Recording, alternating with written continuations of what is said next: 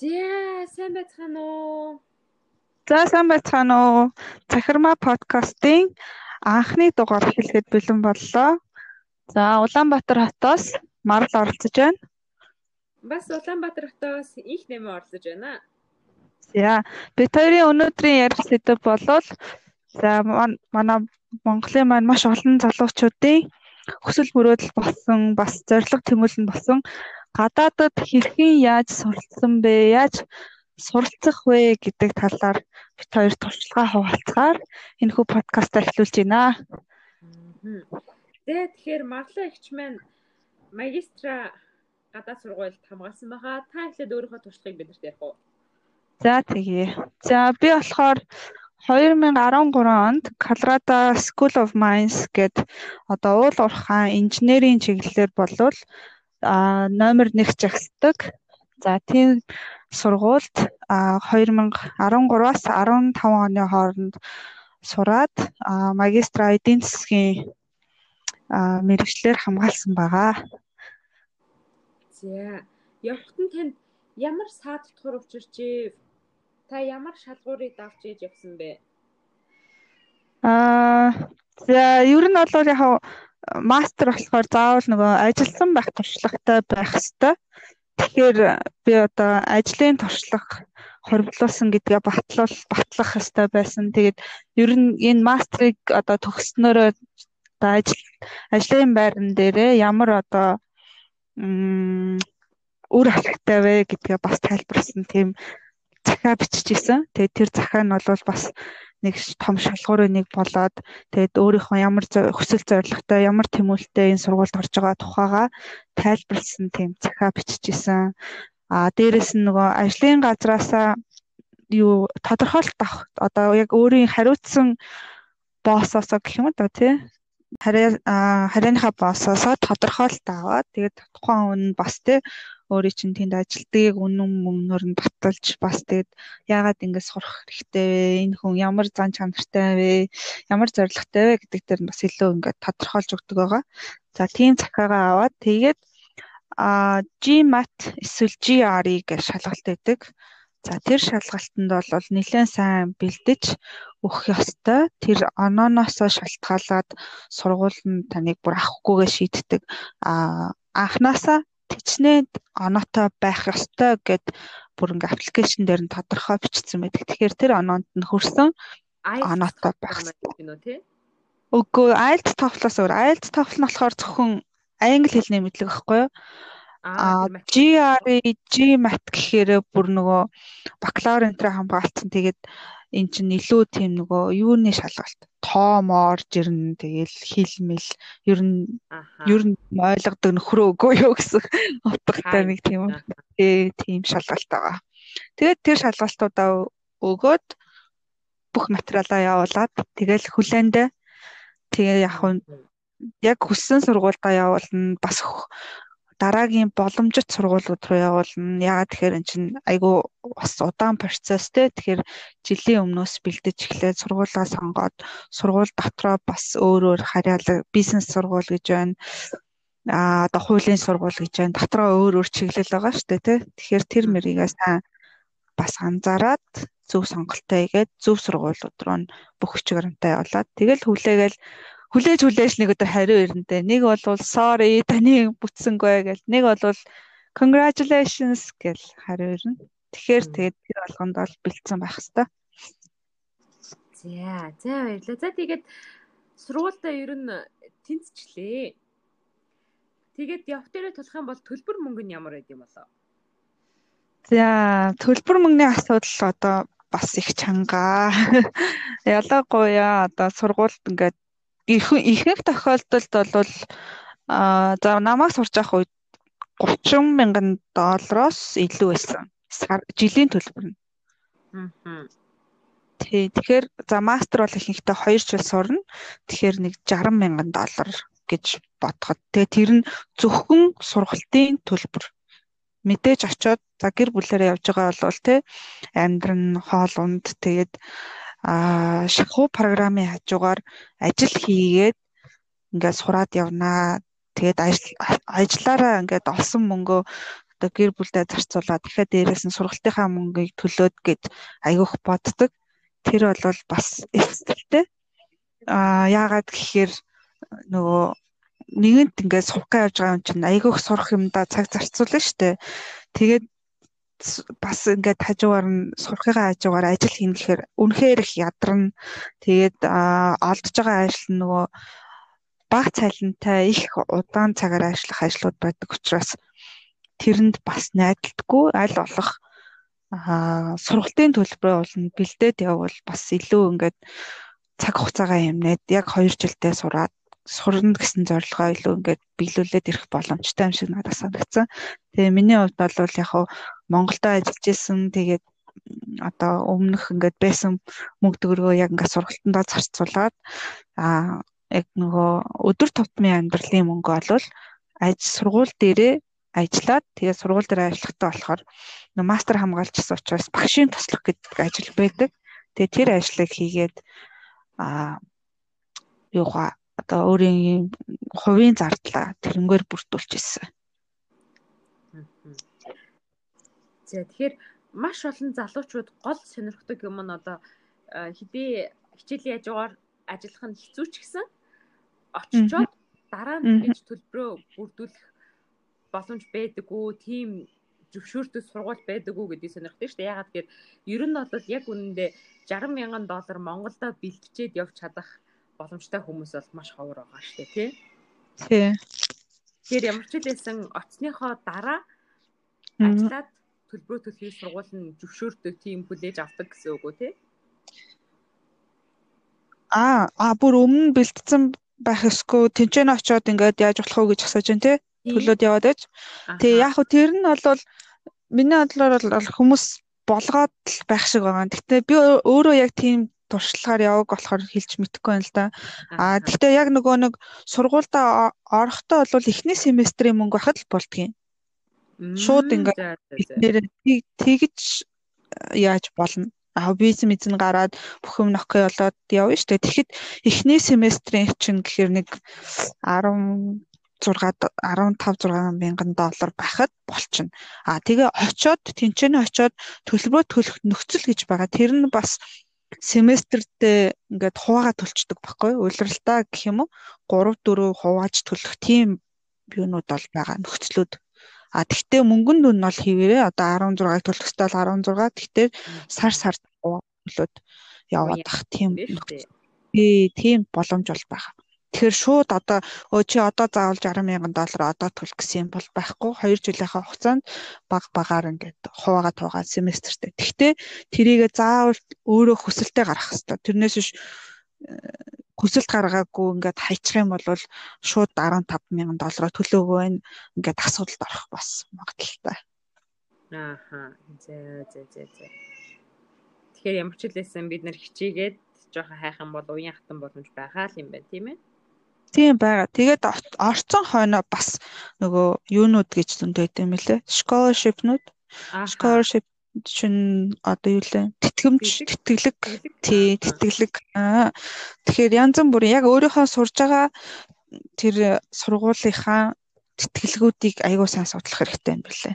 Тэгээд захаа бичээд тэгээд одоо гайгүй сургууль байх юм бол тэтгэлэг нь улам л их байна. Хм. За за баярлалаа.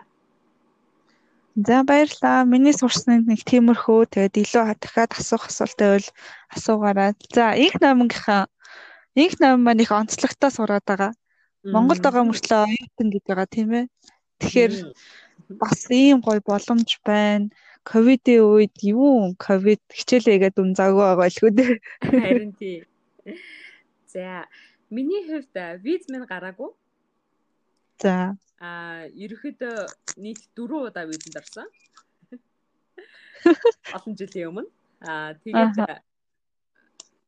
одоо шантарсан нэг талаасаа нөгөө талаасаа бас тэр хооронд гадны сургууль хөөцөлдөөд виз мэдүүлээд явж байгаа хооронд Монгол дахь амьдрал маань боссон.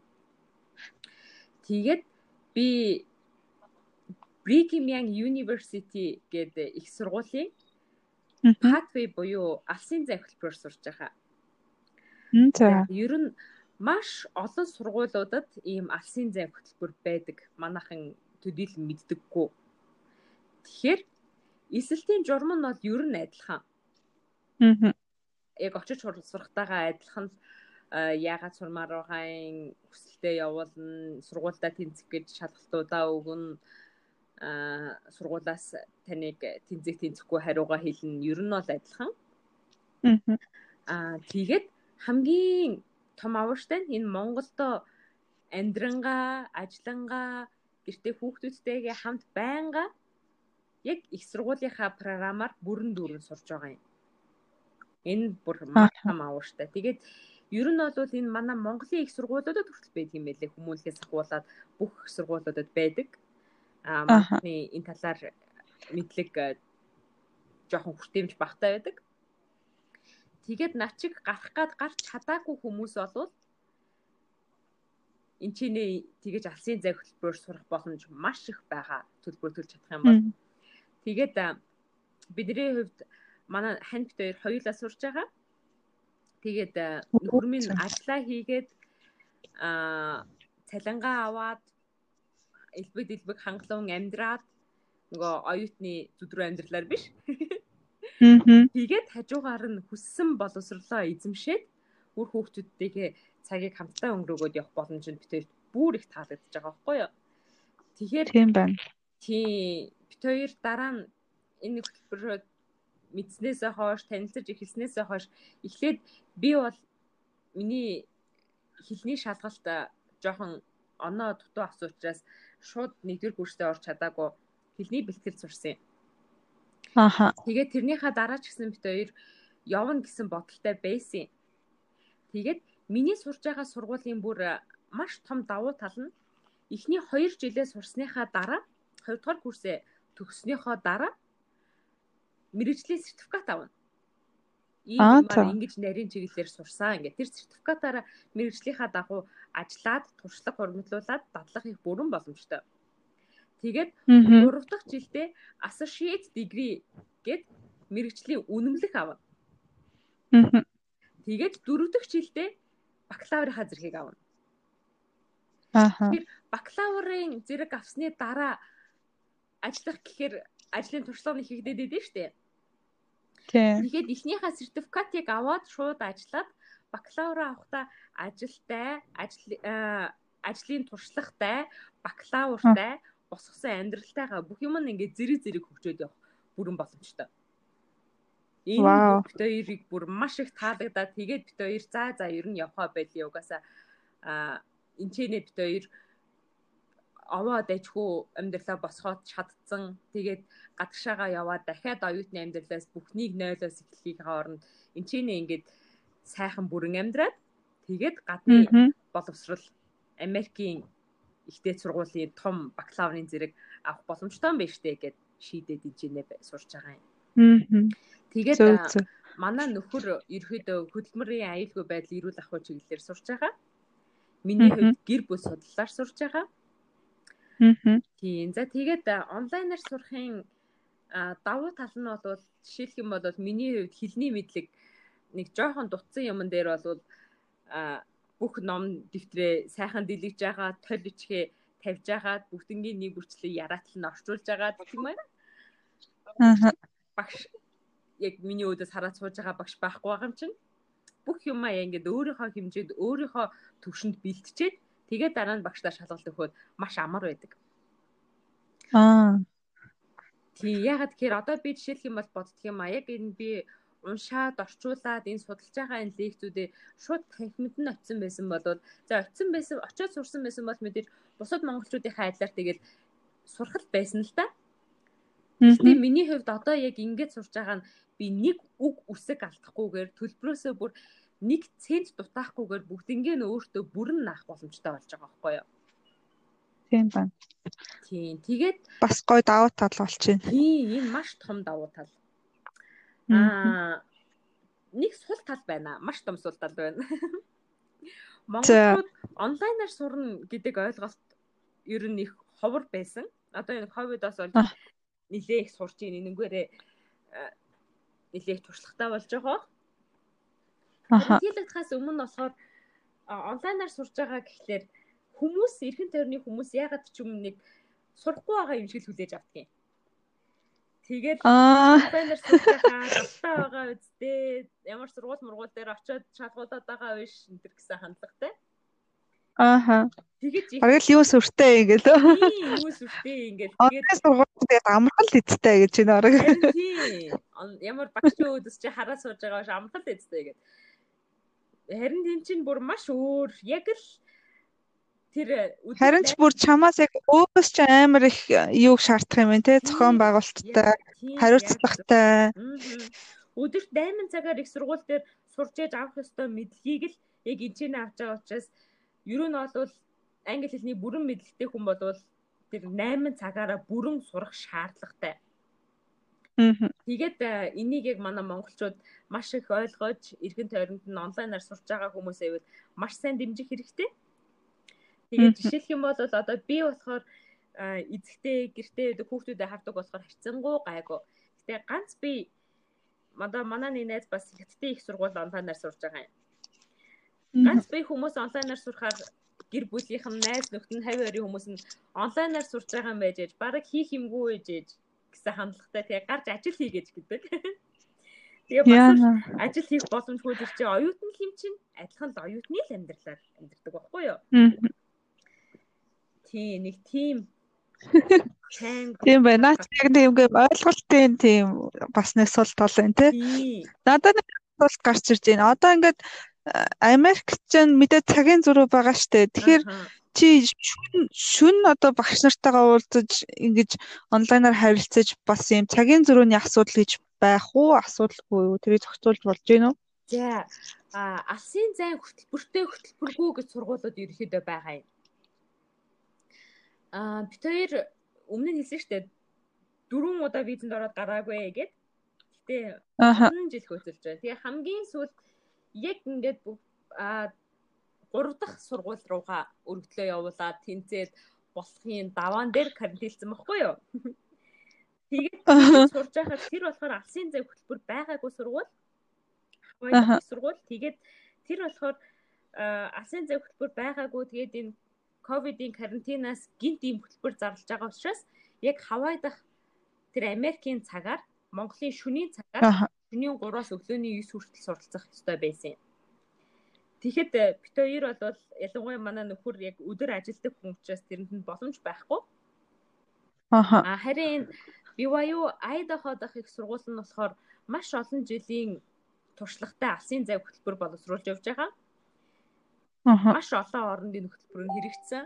Тэгэхээр энэ маань болохоор э, тухайн улсынхаа цагаар тааруулаад Аа. Ерөнхийдөө 7 7 өдрийнхөө хичээлүүдийг нээгээд өгчдөг. Тэгээд тэмцээний өөртөө тааруулаад өөртөө багштайгаа хідэн цагт уулзах боломжтой байна. Цагаа тохироод тэгэхээр Монголын оройн цагаар Америкийн өглөөний цаг ч юм уу тэгж тааруулаад тэгээд даалгавраа ярилцаад тэгээд бие дааж хийгээд тэрнийг явуулж шалгуулад тэгээд тэрнээсээ фидбек аваад гэх мэтчлэнгээр явдаг. Энэ нь болохоор бүр маш их боломж юм. Тийм болохоор бид хоёр ер нь дахиж явна гэсэн бодлоо бүр мөсөн хаяад яг энэ хатвы алсын зах хөлбөр суралцж байгаа маш том давуу тал болж чадж байгаа. Аа зөв зөв. За дахиад нэг асуулт байна. Мэдээ энэ бол бүр хүн болгоны толгойд байгаа. Төлбөрийн хувьд адилхан уу, арай хөнгөлөлтөө юу? Ямар зарчмаар явах вэ? Аа миний яг одоо сурж байгаа энэ сургуулийн хувьд ерөнхий яг энэ алсын зай хөтөлбөрийнх нь үндсэн төлбөр 1 кредит нь 77 доллар гэж явдгийн. Нэг кредит тэгээд э, нэг хичээл нь ойролцоогоор 3-аас 4 кредиттэй. Нэг кредит цаг нь 3 цаг гэж дундчлагдаж явдаг. Тэгээд хэдин кредит авах нь бидний сонголт. 4 жилдээ багтаж яг сурмаар байна уу? Баг кредит аваад илүү сунжирч төгсгөө гэдгийг сурж байгаа хүний сонголт. Тэгээд Ер нь бол дэлхийн бусад бүх орнуудад 77 доллараар зарагддаг хичээлийг Монголд ядуу буурай гэсэн нөхцлөөр 11% хэмдрүүлээд 77 доллароос 11 доллар нэг кредит нь 11 доллар цаг болж хэмдэрсэн байгаа байхгүй юу? Хэмдэрсэн гэж хэлэх нь буруу юм байна. ядуу буруу орны хөнгөлсөн яг зөв би ингэж харж байна л да. Одоо нөгөө Америкта ингээд сурж байхад би хэрэв оюутны визээр явсан бол заавал оюутны виза хадгалахын тулд би бүр заавалчгүй бүтэн кредитээр явах хэрэгтэй байхгүй юу? Тэгэхээр нөгөө одоо 3-аас 4 хичээл авч иж би оюутны виза хадгална. Тийм бас юутай. Тэгээд тэр чинь нөгөө шахуу шахуу сураад шууд програмуудаа авсаар агаад яг 2 жилийн дотроо дуусаад би одоо буцаад их орн руугаа тэр ирэх ёстой байхгүй юу? Оюутны визээр явсан чинь. Тэгэхэд тэгэхэд наадах чинь бол ямар ч тийм тэ чи өөрийнхөө одоо бараг тааваараа хэрэв үнэхээр шахаа шахаа сураа гэх юм бол 2 жил 3 жил одоо 4 жилийн дотор дуусгаж болж юм те а дунд нь завсралж болж юм тэгээд өөр өөр ангиуд аваа явж болж юм бас үнэхээр бас давуу тал байна шүү гоё юм байна. Тийм маш том давуу тал. Жишээлх юм бол одоо би 5 жилийн дараа төгсгөөр манай нөхөр ажил хийж байгаа болохоор арай жоохон айз тэр өрөөнд байгаа юм нөхөө. Айзан давчаарай. Манай нөхөр ажил хийж байгаа болохоор арай жоохон тайван 6 жилийн дотор сурч төгсгөөр төлөвлөд байж байгаа юм. Намангийн маань яриа үнэхээр сонирхолтой байлаа. Тэгээд бид нар одоо гадаад сурыг гэхээр л заавал бүр яг тухайн оронд нь очиж сурах гэдэг. Гэтэл ордынхоо тухайн оронд нь очихгүйгээр ингээ холын зайнаас сурах бас үнэхээр гоё боломж байгаа юм байна.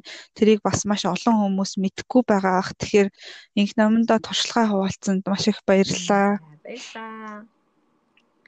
За тийм. Тэгээд өнөөдрийн подкаст сонирхолтой байж чадсан бол бид нарт фидбек комент өгөөрэй. Хэрвээ хүмүүс түрээ таалагдах юм бол дараагийнхаа подкастыг хийж ч магадгүй шүү. Баяртай. За баярлалаа. Баяртай.